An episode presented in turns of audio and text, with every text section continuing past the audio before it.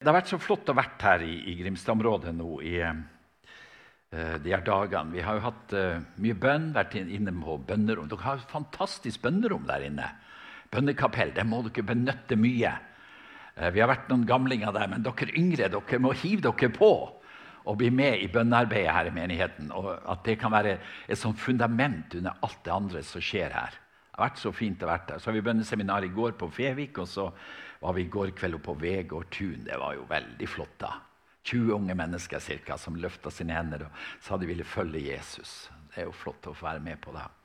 Um, jeg, jeg, reiser jo, altså det, jeg reiser jo en god del her i Sør-Norge også. Men hjertet mitt dras jo nordover, så jeg er jo veldig mye oppe i de samiske områdene i Finnmark. og Jeg skal opp til Finnmark nå ikke så lenge. Uh, og så um, trives jeg veldig godt iblant samefolket. Eh, vet du, han Jagland han var oppe i Kautokeino. og på, han var statsminister, så sa han at han visste ikke at det fantes et sted i Norge der de ikke snakka norsk til daglig. Men sånn er det jo i Kautokeino. De snakker jo ikke norsk til daglig, de snakker jo samisk. Et vakkert språk, sangspråk også. Jeg må ta en liten sånn samhistorie for dere nå. Det var en kar som hadde en sånn, Utenfor Kautokeino var det en sånn stor rasteplass der han hadde satt opp flere lavvoer. og Der drev han og solgte sånne sameprodukter, eller sånne reinprodukter. Han hadde laga knivslirer og han hadde laga sånne ladder som de ut av skinn og masse fine greier. Og så kom det jo en sånn søring sånn som dere oppover da, og skulle se på det her. Og så syntes han han var så flink, så han sa han, du er jo en ordentlig kunstner når jeg ser de knivslirene du har laga. Ja, sa han sammen. Jeg sitter jo der og smier, og så blir det jo litt ut av det. da. Og så spurte han og grov, så til slutt så var han så lei ut han, han der sammen. Så han, nå har du spurt og grøvet så mye her. Eh, jeg må, jeg må, ta med noen andre kunder her, så jeg får solgt litt. Grann. Ja, men bare ett spørsmål til, til slutt, sa han søringen. Ja, han var jo sikkert osloenser, for han snakka sånn Oslo-dialekt. Så sa han at hva er det vanligste si meg en ting, hva er det vanligste dere bruker reinskinnene til her oppe på Finnmarksvidda? Så sa han sammen du er jo en underlig kar. Veit jo ikke det engang. Det er jo til å ha reinsdyrene inni. Men det, jeg regner med at dere visste vel det fra før, da. At så, så enkel kan man være. Halleluja. Jeg skal, jeg skal, si litt her nå i, det temaet eh, som er i den prekenteksten som er her, om Jesus som frigjør, som setter fanger fri. Og så tenkte jeg, jeg holdt på å forberede meg på det her, at det er jo egentlig et sånt resultat av Jesus sin frigjørende kraft. Og I vår familie så har vi egentlig en veldig gripende historie om hvordan både kristendommen kom inn, og resultatet av det her at jeg ble forkynner. Og sånt der. Og Det begynte med bestefar, som var en fattig fisker ute på ei lita øy på Helgelandskysten i Nordland. Og eh, Han mista sin eneste sønn, 18 år gammel, på havet. De var ute og fiska, og så kom det en eh, nordvestkuling på dem. Bestefar heter Hans. Og eh, Båten tippa rundt, og de ble sett på kvelvet. og Båten var så liten at den ville ganske dypt, så bølgen slo over den. Og så sa Håkon at uh, Håkon het da sønn. At uh, han ville svømme på siden av båten, så kunne bestefar sitte på kvelvet. da. Så rak de inn mot ei øy. Men så mista Håkon taket, forsvant i bølgen, og så satt bestefar alene på båtkvelvet. Og rak i mange timer inn mot ei øy der han ble berga. Dette var i november måned. Men der på båtkvelvet så, eh, så lovte bestefar at hvis han ble berga, så skulle han bli en kristen og gi sitt liv til Jesus. Og så var det det som skjedde. Han ble berga, kom opp til Lofoten, der det var vekkelse på Misjonshuset på Hamnøy. Og der tok han imot Jesus. Og det forandra hele vår familie. Det førte til at mamma ble en kristen. Eh, mamma, du, når, jeg, når, jeg, ble en kristen, så hadde jeg bare en sånn lengsel etter å møte mamma sin Jesus. Jeg hadde en sånn veldig god mamma da. Hun ble frelst på Frelsesarmeen i Mosjøen. Og så var hun så musikalsk. mamma. Hun sang, spilte banjo, spilte gitar. Og, og så sang hun sånne vakre sanger om Jesus. Hun hadde en som var liksom favoritten. Eh, det var den her, Det er så underbart, det navnet Jesus. For evig skal det bli min melodi. Det navnet ga meg full og herlig frelse. Det løste meg fra syndens slaveri. Og Den sangen satt fast i meg. husker jeg, når jeg Som 14 år gammel gutt så reiste jeg ut på sjøen la med 22 tøffe mannfolk på en båt. Og Så kom vi nedover til Nordsjøen her på fiske og på Frelsesarmeen i Kristiansand. Der fikk jeg lov å møte, møte Jesus. Og opplevde en fantastisk frihet i det å få lov å komme til han.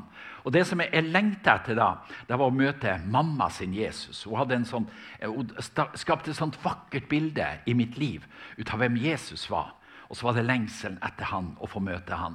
Og når det, det Temaet for denne gudstjenesten 'fra fange til fri', så var jeg på mange måter fange. Jeg var fange i min synd. Jeg var fanga også ut av, ut av, mange andre ting fra barndommen min. Jeg er jo født med et stort fødselsmerke i ansiktet. Og Da er du et ynda mål for mobbing. ikke sant? Så Hvis det er noen som har vært mye mobba, så vet jeg hva det betyr. Og Det gjorde at jeg som 14-15-åring tenkte hva skal det bli av mitt liv? Er det noe verdi med? Kan jeg liksom fungere normalt i et samfunn sånn som Gud har skapt meg, og sånn som jeg ser ut da? Og så møtte jeg Jesus så kraftfullt, der han oppvurderte hele mitt eh, selvbilde. Og der det fikk tak i troen på at Gud kan til og med bruke en enkel fiskergutt fra Helgeland, sånn som jeg. Og så har jeg fått vært med på Guds prosjekter. Det er jo fantastisk å få oppleve den frihet som kommer gjennom det å få lov å leve i fellesskap med Jesus og få lov å bli brukt ut av Han. Og Det står noen vers i eh, Lukas 4 der Jesus kommer med sitt program, som er et sånt frigjørelsesprogram. som Jesus, Han står i synagogen der, og, og de eh, kaller han for tømmermannens sønn. Kan det skje noe gjennom denne karen her, som er vokst opp i Nasaret? Men nettopp der så sier han sånn her i eh, kapittel 4 vers 18. Herrens ånd er over meg, for han har salvet meg til å forkynne et gledesbudskap for de fattige. Han har sendt meg for å rope ut at fanger skal jo få frihet. At blinde skal få synet igjen, for å sette de undertrykte fri og for å rope ut et nådens år fra Herren. Dette er en fantastisk programerklæring fra Jesus. Vi har hatt nettopp hatt valg i Norge, og de politiske partiene de har uh, sine programmer. og De må være litt forsiktige, ikke si for mye, ikke love for mye. Men Jesus er utrolig konkret når han snakker her. For det første så sier han at han har et gledesbudskap for de fattige. Og du vet, Evangeliet er et fantastisk budskap for mennesker som sliter med fattigdom. Hvor er det Guds rike går mest fram i verden i dag? Nettopp i området der fattigdom rår. Og Hvis du ser i apostelens gjerninger, så var den første menigheten når Den hellige ånd hadde kommet over dem på pinsedag. Noe med det første de gjorde, det var at de begynte å ta seg av de fattige. Allerede i kapittel 2 så står det at ingen av dem led nød. For de som eide noe, de solgte det kom og la det for apostelens føtter. Så alle fikk det som de trengte til. Og det du så her fra Filippinene, der har vi fått være med og reist opp et folk som, som, eh, har vært så nedtrykt. De fattigste på Filippinene. De kaller seg sjøl for Warai, Warai-folket. Og Warai, Warai det betyr ingenting. ingenting. Altså Ca. fire millioner mennesker som kaller seg for ingenting-folket. Og så har vi fått komme inn med ressurser fra Norge. Vi har fått komme med evangeliets kraftfulle budskap. Og så har vi sett hvordan Guds rike har spredd seg. Tusenvis av mennesker har søkt Gud i arbeidet vårt. Og Jeg husker når jeg kom og jeg møtte liksom nøden av fattigdom, frykten for de onde ånder, som binder voldsomt i det området der. Og så tenkte jeg hvordan skal jeg bryte igjennom? Hvordan skal jeg komme inn blant det folket her? Og Jeg ropte og ba til Gud. Og så, og så plutselig et møte vi hadde, etter de første møtene vi hadde, så bar de inn en lam mann i en sånn hvit plaststol og satte ham foran plattforma der jeg sto og preika. Og Han var den lamme mannen i byen, en by som heter MacArthur. Og så eh, I avslutningen av møtet vi, vi ber for folk som er der. Så plutselig den gruppa som ber for ham, så begynner han å veive med hendene og vil opp av stolen. og Tolken sier han kan ikke gå, han kan ikke stå på føttene. Må bare holde ham nede, sa han. Men han ville opp. Og Plutselig så reiser han seg opp, da, og så begynner han først å gå sånn forsiktig, og så springer han omkring i møtet. Springer fram og tar mikrofonen og skriker ut og vifter med føttene sånn her, og viser at Jesus har helbredet føttene hans. Og Det var nøkkelen som Gud brukte iblant vareifolket. Så gikk ryktet det kommer noen som kan helbrede syke, som kan sette fri fra onde ånder. Og så har vi sett hvordan evangeliet har brutt igjennom blant de fattige i Filippinene. Så har vært med å hjelpe dem og fått økonomi på plass, fått bedrifter på plass. Og, og, evangeliet er fantastisk på den måten der.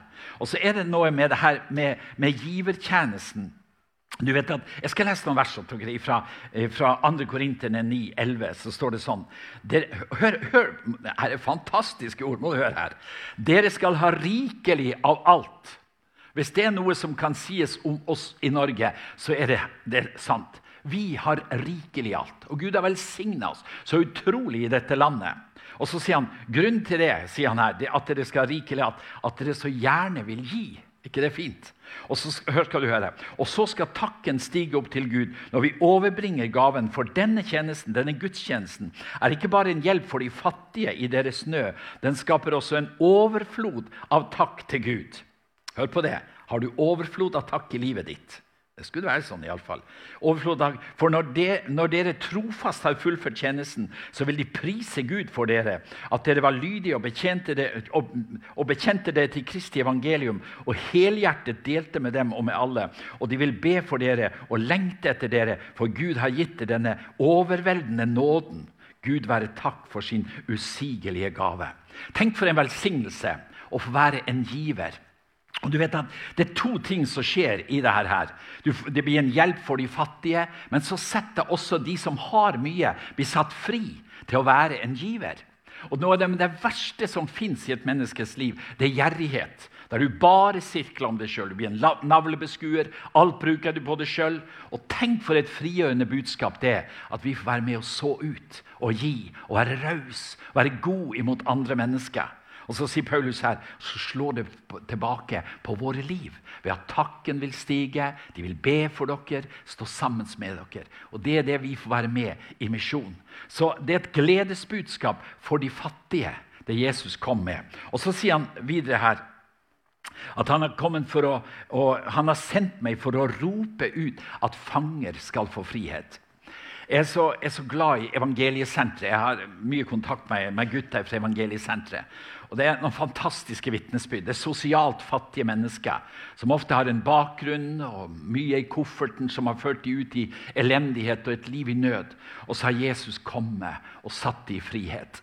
Og, og eh, Budskapet om Ludvig, som fikk denne visjonen om å starte Evangeliesenteret, er jo fantastisk. Tenk at Gud begynte å bruke en som var en fengselsfugl. Han var alkoholisert, han var kriminell, hadde sett det mye inne. Han var analfabet, kunne ikke lese og skrive nesten. Så de sa i begynnelsen han begynte å preike, så tegna han eh, preikenutkastene sine for å få til å preike. Men etter hvert så ble han så brukt av Gud. Eh, han var et par ganger på Stortinget. Han fikk jo kongens fortjenestemedalje i gull. Og de måtte forandre reglene, for det var ikke lov å gi den til menneskene som hadde sittet i fengsel. Og Ludvig han fikk forandra reglene, så han kunne få ta imot kongens fortjenestemedalje. Og Hver gang jeg ser eh, haleroret på Norwegian-flyet, der, der, Ludvig er avbildet, og så står det under 'Norwegian Preacher'. står det under der. Tenk hva Gud gjorde gjennom denne mannen ved at han ble satt i frihet gjennom at han møtte Jesus, evangeliet. En av mine, Jeg har jo noen sånne disipler som jeg har hatt med meg fra, fra de ble frelst. Jeg har en kar som reiser mye sammen med en samegutt fra Kautokeino som heter Nils. Uh, han har vært på Evangeliesenteret, og så kom han fra Evangeliesenteret og begynte å reise med meg som ettervern.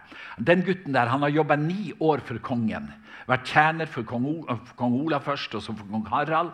Og eh, alt det som han opplevde på Slottet. Et sånt eh, fantastisk liv han hadde der. Og så havna han ut i rus og eh, stoff og, og, alkohol og ble helt nedkjørt. Var, som, ja, som søppel, siden han var til slutt. Og så kom han inn på evangeliesenteret, og så kom Jesus inn. Og så ble han satt i frihet. Og så har jeg fått vært med å se hvordan det, det sosialt nedtrykte mennesket ble løfta opp gjennom at Jesus Kristus kom inn i hans liv. Jesus er kommet for å sette fanger i frihet. Jesus kom også for å sette fysisk fattige mennesker. Han har gitt oss det budskapet at blinde skal få sitt syn.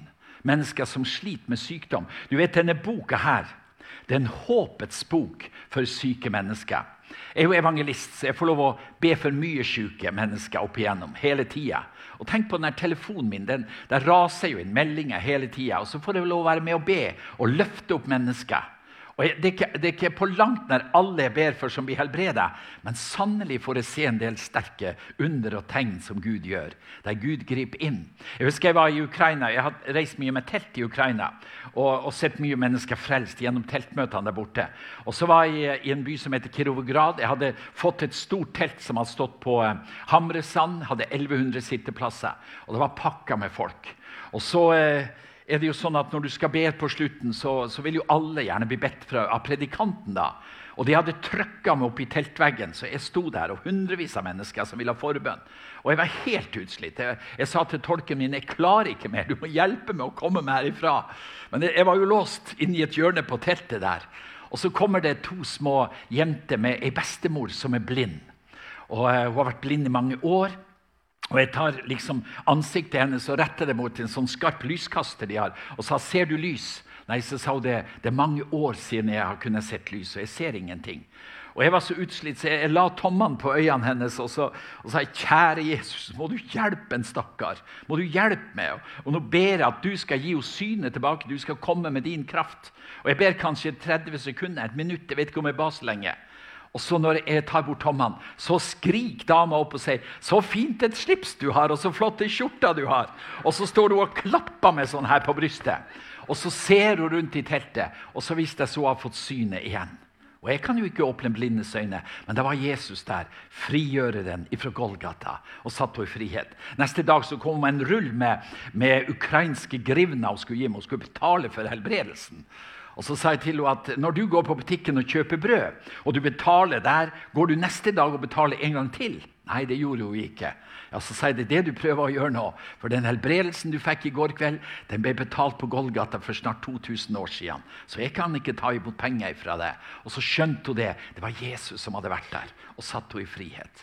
Og Dette er et budskap som Bibelen er full av. Og Hvordan er det med, med syke og helbredelse? Vi ber og vi ber, og ingenting skjer mange ganger. Men vi skal få lov å be på grunn av Guds løfte.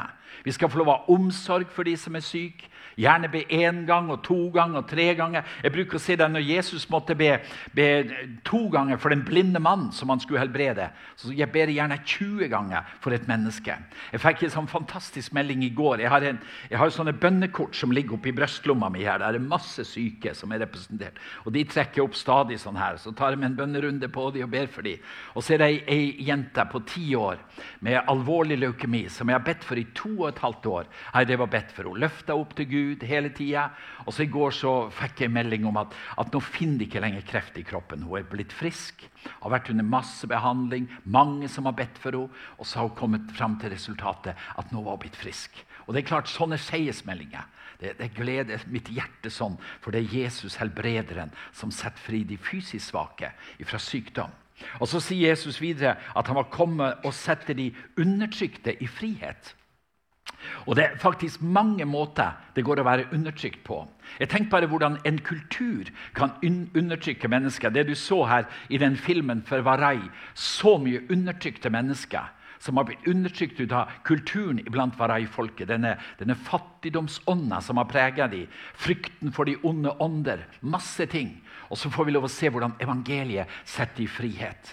Jeg har lyst til å vise et bilde. Får du fram det bildet ut av en av mine favoritter i Ukraina? Hun Oksana. Må se på hun her. Det er et fantastisk bilde. det der.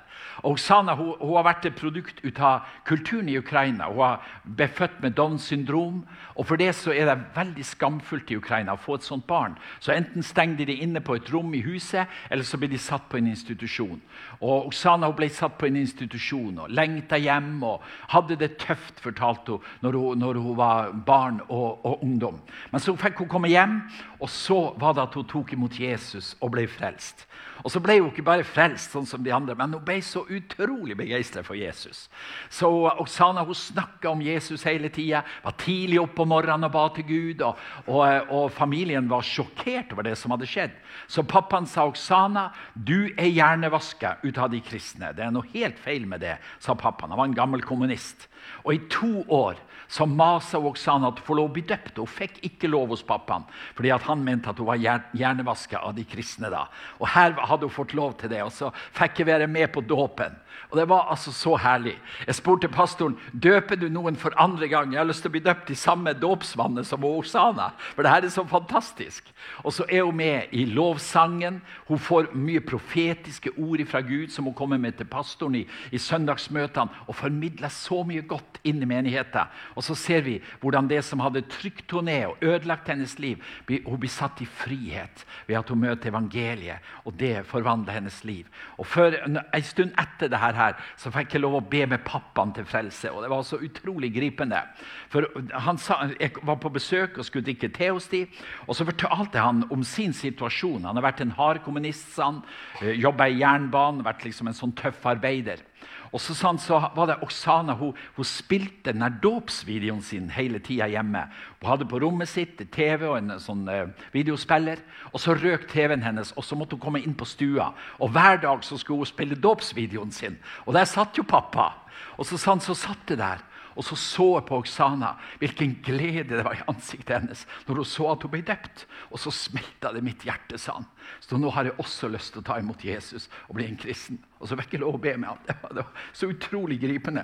Og Oksana hun skulle lage te til oss etterpå, men hun fikk det ikke til. Hun gikk helt forvirra inn i huset der og bare prisa Gud for at pappa hadde fått tatt imot Jesus. Og dette er evangeliets kraft det å sette mennesker i frihet. Forløse dem fra ting som undertrykker dem og trykker dem ned. Og Mange ganger så kan også religion og, og, til og med kristendom kan trykke ned mennesker. Hvis du gir mennesker en lovisk kristendom, så vil det ødelegge mye i deres liv. Men evangeliets budskap det er frigjørelse på alle områder av vårt liv. At vi virkelig blir satt i frihet. Bibelen sier det sånn at den som Sønnen får satt fri, han blir virkelig fri. Og Hva er grunnen til at dette skjer? skal jeg fort på her. Jeg er livredd den klokka som står der. Jeg må ikke holde på for lenge. Men, men, men det, fantastiske som det, Jesus avslutter sitt program med, det er at han skal gå rundt og rope nåde. Jeg skal rope ut et nådens år for folket, sier han. Og Hva er grunnen for Guds nåde? Jo, det er nettopp det som skjer på Golgata. Og der er selveste nøkkelen. Friheten kommer ut fra det fullbrakte verket på Golgata. Og Jeg er så glad for at i Norge så har, har vi Johannes 3, 16, som vi kaller for den, den lille bibel. Konsentratet evangeliet. Og hva sier det? Jo, det sier sånn her. For så høyt har Gud elska verden, at han ga sin sønn den enbårne, for at hver den som tror på ham, ikke skal gå fortapt, men ha evig liv. Det verset jeg har lest tusenvis av ganger. Og så En kveld så lå jeg og tenkte på hvordan så høyt har Gud elska. Og så passerte Golgata revy for ansiktet mitt, eller for øynene mine. Og så tenkte jeg når Jesus er spent over bommen i, eh, i borgen eh, Piskeslagene suser over hans rygg. Bødlene de herjer med han. Han har de grusomste smerter under piskinga. Og så står det en far i himmelen, og så ser han sin sønn gjennomgår de her lidelsene. Og så vet samtidig far jeg kan gripe inn. Jeg kan eh, sette tommen min på de her bødlene, og, Jesus ville være fri fra sin smerte. Men så er dette fa samtidig far øyet på meg og på det, og så ser han i vår fortapte situasjon. Og så unnlot Gud å gripe inn. Og så sier Bibelen han ga sin sønn, for å så høyt av Gud elsker, at han ga sin sønn. Vi ser Jesus snuble via Dolorosa under korset, kors, eller, eller tverrstammen på korset, som er surra fast til hans, hans armer. Han faller kanskje under korsbyrden, kan ikke ta seg for. Far ser den smerte hans sønn har. Han kan gripe inn, men så unnlot han å gripe inn fordi han elsker deg og meg så høyt. Så henger Jesus på Golgata kors. Han roper i dødsangst. Gud, min Gud, hvorfor har du forlatt meg? Og svaret på det hvorfor, det er at så høyt har Gud elska deg og meg. Han så oss, og så ga han sin sønn i døden for oss. Og Dette er kraften i evangeliet. Det er kraften i helbredelse, det er kraften i frelse. Det flyter ut ifra det fullbrakte verket på Golgata. Og jeg, jeg tenker på at det her, det her med evangeliet det, det, er utrolig når du kommer inn i et folk sånn som Varai-folket med det, og hvor frigjørende det er. Og du vet, Det er mange ting med evangeliet som er så frigjørende. Det står så sterkt når det at Jesus tar og vasker disiplene sine føtter. Jeg må, jeg må lese noen, noen, noen, et avsnitt der. Fra Johannes 13 så står det. Hør på, hør på, hvordan det begynner. det avsnittet her. Jesus visste at far hadde gitt alt i hans hånd, og at han var utgått fra Gud og gikk til Gud. Altså Jesus visste sin posisjon. Han visste at far hadde nå gitt alt makt i hans hånd. Jeg har all makt i himmel og på jord, sa Jesus. Og så står det da reiste han seg fra måltidet, legger av seg kappen, tar et linklede og binder det om opp om seg. Så heller han vann i et fat, begynner å vaske disiplenes føtter og tørke det med linkledet som han har rundt livet. Han kommer til Simon Peter og sier, 'Herre, du, vasker du mine Simon Peter sier, 'Vasker du mine føtter?' Jesus svarte, 'Det jeg gjør, forstår du ikke nå, men du skal forstå det siden.' 'Aldri i evighet om du skal vaske mine føtter', sier Peter. 'Hvis jeg ikke vasker deg, har du ikke del med meg', svarte Jesus. Da sier Peter, 'Her er ikke bare føttene, men hendene og hodet.' Og så sier Jesus, 'Jeg har gitt dere et eksempel for at dere skal følge det'. Dette er fantastisk historie om den ydmyke tjener Jesus som bøyer seg ned og vasker disiplenes underføtter. Og når jeg møtte denne kulturen i, i Filippinene, uh, som, som, ser så utrolig merkelig på oss som kommer fra Vesten Når vi gikk i byen, så ropte de 'americanos', 'americanos', 'americanos', ropte de etter oss. Og de så oss som liksom noe svære greier. Vi er jo ikke en stor kar, men Filippinene blir litt mindre enn det, faktisk. Og så, og, så, og så, ser de på oss som noe, har et helt sykt bilde av Vesten verdens befolkning. Og så tenkte jeg når jeg skulle inn iblant folket her, Jeg må gjøre noe med det her. Jeg må, jeg må klare å bryte denne, denne, kulturen akkurat på det området. Så jeg sa til lederen av arbeidet vårt at jeg har så lyst til å vaske filippinerne sine føtter. Og Vi hadde en pastorsamling, ca. 40 pastorer var sammen med oss. Og så sa han men det går ikke an. Du bryter altfor mye med vår kultur ved å gjøre det. Nei, så sa jeg jeg vil gjøre det. Ja, Men du kan ikke det, sa han. Det går ikke an. Vår kultur sier at du kan ikke gjøre det. Og han, Lederen for AB han stakk av. Han ville ikke være med på ham. Og så sa jeg det er jo så enkelt. Det er jo bare å ta vann i balja, og så vasker vi føttene. Så enkelt er det. Og så gjorde vi det. Vi var et team fra Norge. Og så satt jeg pastoren der, og de gråt. Og de hikste og gråt når vi vasket deres føtter. Og så var det en som ikke ville slutte å gråte. En liten pastor i pinsemenigheten menighet som gikk rundt der. og Han gråt og gråt ut et, lenge etter at vi var ferdig. Og Så gikk jeg til han, så, hva er det du gråter for, seg til han. Jo, så sa han at først enn i dag så har jeg skjønt hvor høyt Gud elsker meg. sa han. Først enn i dag har jeg skjønt det, med en sånn enkel handling ifra oss nordmenn. Og Vi kan få lov å være med og bringe det frigjørende budskapet ifra Jesus inn ved at vi betjener andre mennesker med Guds godhet og kjærlighet. Og så helt til slutt noe med det mest fantastiske evangeliet det er det at, det, at Far har sagt at han tilgir oss alle våre synder. At den frihet som fins i synstilgivelse, blir gitt oss. Og jeg fikk et, et, eh, sånt ark her fra en evangeliesentergutt som hadde streva så mye med de gamle syndene sine. Skal du gjøre noe fint her, som var skrevet. Så sier Han sånn, han, han, han har tittelen på det kaller han 'Den glemsomme Gud'. Altså den Gud som glemmer. Og Det står jo at Gud kaster våre synder i glemselens hav. Hør hva det står her. Jeg har snakket med Gud igjen. Jeg har snakket med han om de gamle syndene mine. Jeg har syndet, sa jeg til Gud. Det vet jo jeg ingenting om, sa Gud. Men jeg har virkelig syndet, sa jeg. Ja, det kan godt være, men jeg vet jo ingenting om det, sa Gud. Men du husker vel at jeg Nei, jeg husker ikke det, sa Gud. Men jeg har jo syndet så grovt, sa jeg. Ja, det kan godt være, men jeg husker ikke det, sa Gud. Så sa han, syndene dine ligger der ute i glemselens hav, og de synker og synker. Men jeg skal vel gjøre opp for dem. Jeg har jo gjort opp for dem, sa Gud. Men noen av syndene mine var jo så Da ble Gud utålmodig. Ikke mas mer om syndene dine. Du synder ved at du ikke tror det jeg sier. Da ga jeg opp. Jeg sa takk, Gud. Takk at du har tilgitt meg alle mine synder. Hvilke synder, sa Gud. Og faktisk så utsletta er våre synder. Gud han har glemt den. Kaster de bak sin rygg. Kaster de i glemselens hav. Og så får vi lov til å gå der fri og løst på grunn av at alle våre synder er tilgitt. Vaska bort gjennom det blod som rant på Golgatas kors. En fange som er satt i frihet ifra min synd, fra mitt nedtrykte liv på mange måter pga. det som jeg opplevde i min barndom. Og så har jeg fått oppleve friheten i Jesus Kristus. Når jeg var ung gutt, så tenkte jeg hva i all verden kan jeg brukes til? Og Så begynte Gud å kalle meg til å bli evangelist. Og Det var det siste jeg kunne tenke meg. Jeg tenkte at Hvis jeg har en sjark Jeg, hadde en veldig lengsel etter i fisker. da. Og Så begynte Gud å kalle meg at jeg skulle begynne å forkynne Guds ord. Og Så sa jeg Gud, det, det, går jo ikke an. Du har skapt meg med et svært fødselsmerke i ansiktet. og Jeg kan jo ikke stå foran folk. Jeg sa til Gud det er jo greit at torsken ser meg, at det kan være fisker. Det er jo, det er jo greit. Men la ikke folk se meg. og så presser Gud på. Og så fikk, har jeg fått vært med på Guds prosjekt. På tross av mine egne skavanker så får jeg lov å være med og forkynne deg frigjørende evangeliet om Jesus Kristus. Og for en nåde! Og den friheten har du fått tatt imot, du som har tatt imot Jesus Kristus. Og er du her denne formiddagen som ikke har invitert ham inn i ditt liv, så kan du svare ja. Så kan du komme denne dagen skal du si, 'Jesus, jeg trenger ditt program i mitt liv.' 'Jeg trenger at du gjør noe med min situasjon.' Kanskje er du blitt sløv og kommet på sidelinja og har det ikke en brann for Jesus i ditt liv. Du skal komme og møte han. Det fortelles om denne store misjonæren han Sadhu Sundar Singh, som reiste rundt i mange land. Var frelst fra et, et liv i, i, en trelldom av humanisme og et tøft uh, religiøst liv. Og så møtte han Jesus. Og Så spurte de Sundar Singh hva var det som var så mye bedre med kristendommen enn med hinduismen. Og Så svarte Sundar Singh med et stort smil. Jeg fant jo min kjære Herre Jesus Kristus.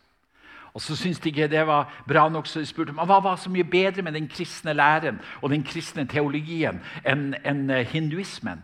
Og så svarte han med et enda større smil Jeg fant jo min kjære Herre Jesus Kristus. Og det er det som er svaret i ditt liv. Du kan finne ham. Han vil sette deg fri, han vil løse mange ting i ditt liv. Og du kan få del i frihet og nåde fra Gud. Halleluja. Takk, Jesus, for evangeliet ditt. Takk for den frigjørende kraften i at du døde for oss på Golgata kors. Den prisen du betalte. Takk at jeg får til å være en sånn, en sånn eh, fange som kom med mine lenker, og du kutta det over og satte meg i frihet. Og så har jeg vært med på ditt prosjekt og fått sett hvilken fantastisk Gud du er.